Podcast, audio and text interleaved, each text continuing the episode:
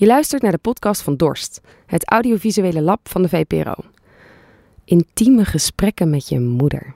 Daar moet de microfoon bij, dacht maker Anna Beerstra. Dorst organiseerde een workshop voor jonge podcastmakers onlangs, waar zij het klappen van de zweep leerden kennen. En deze opdracht maakte Anna daarvoor, onder hoge druk en met weinig middelen. Je luistert naar Moeder. Toen was het ook nog, hoorde je dat eigenlijk ook niet. Dus je hield je daar eigenlijk ook zo niet mee bezig. Kinderen kwamen en ja, dat er dan ook wel iets anders kon zijn. Ik bedoel, ik kom zelf wel uit een familie met, met veel kinderen. En ik heb het, ben het nooit tegengekomen. Wat voor handicap dan ook.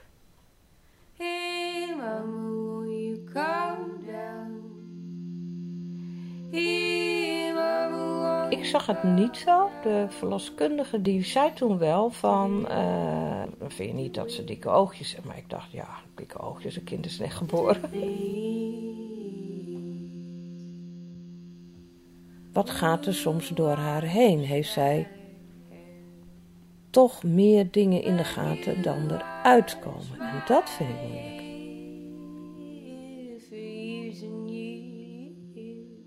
Maar ik weet het niet. I'm going.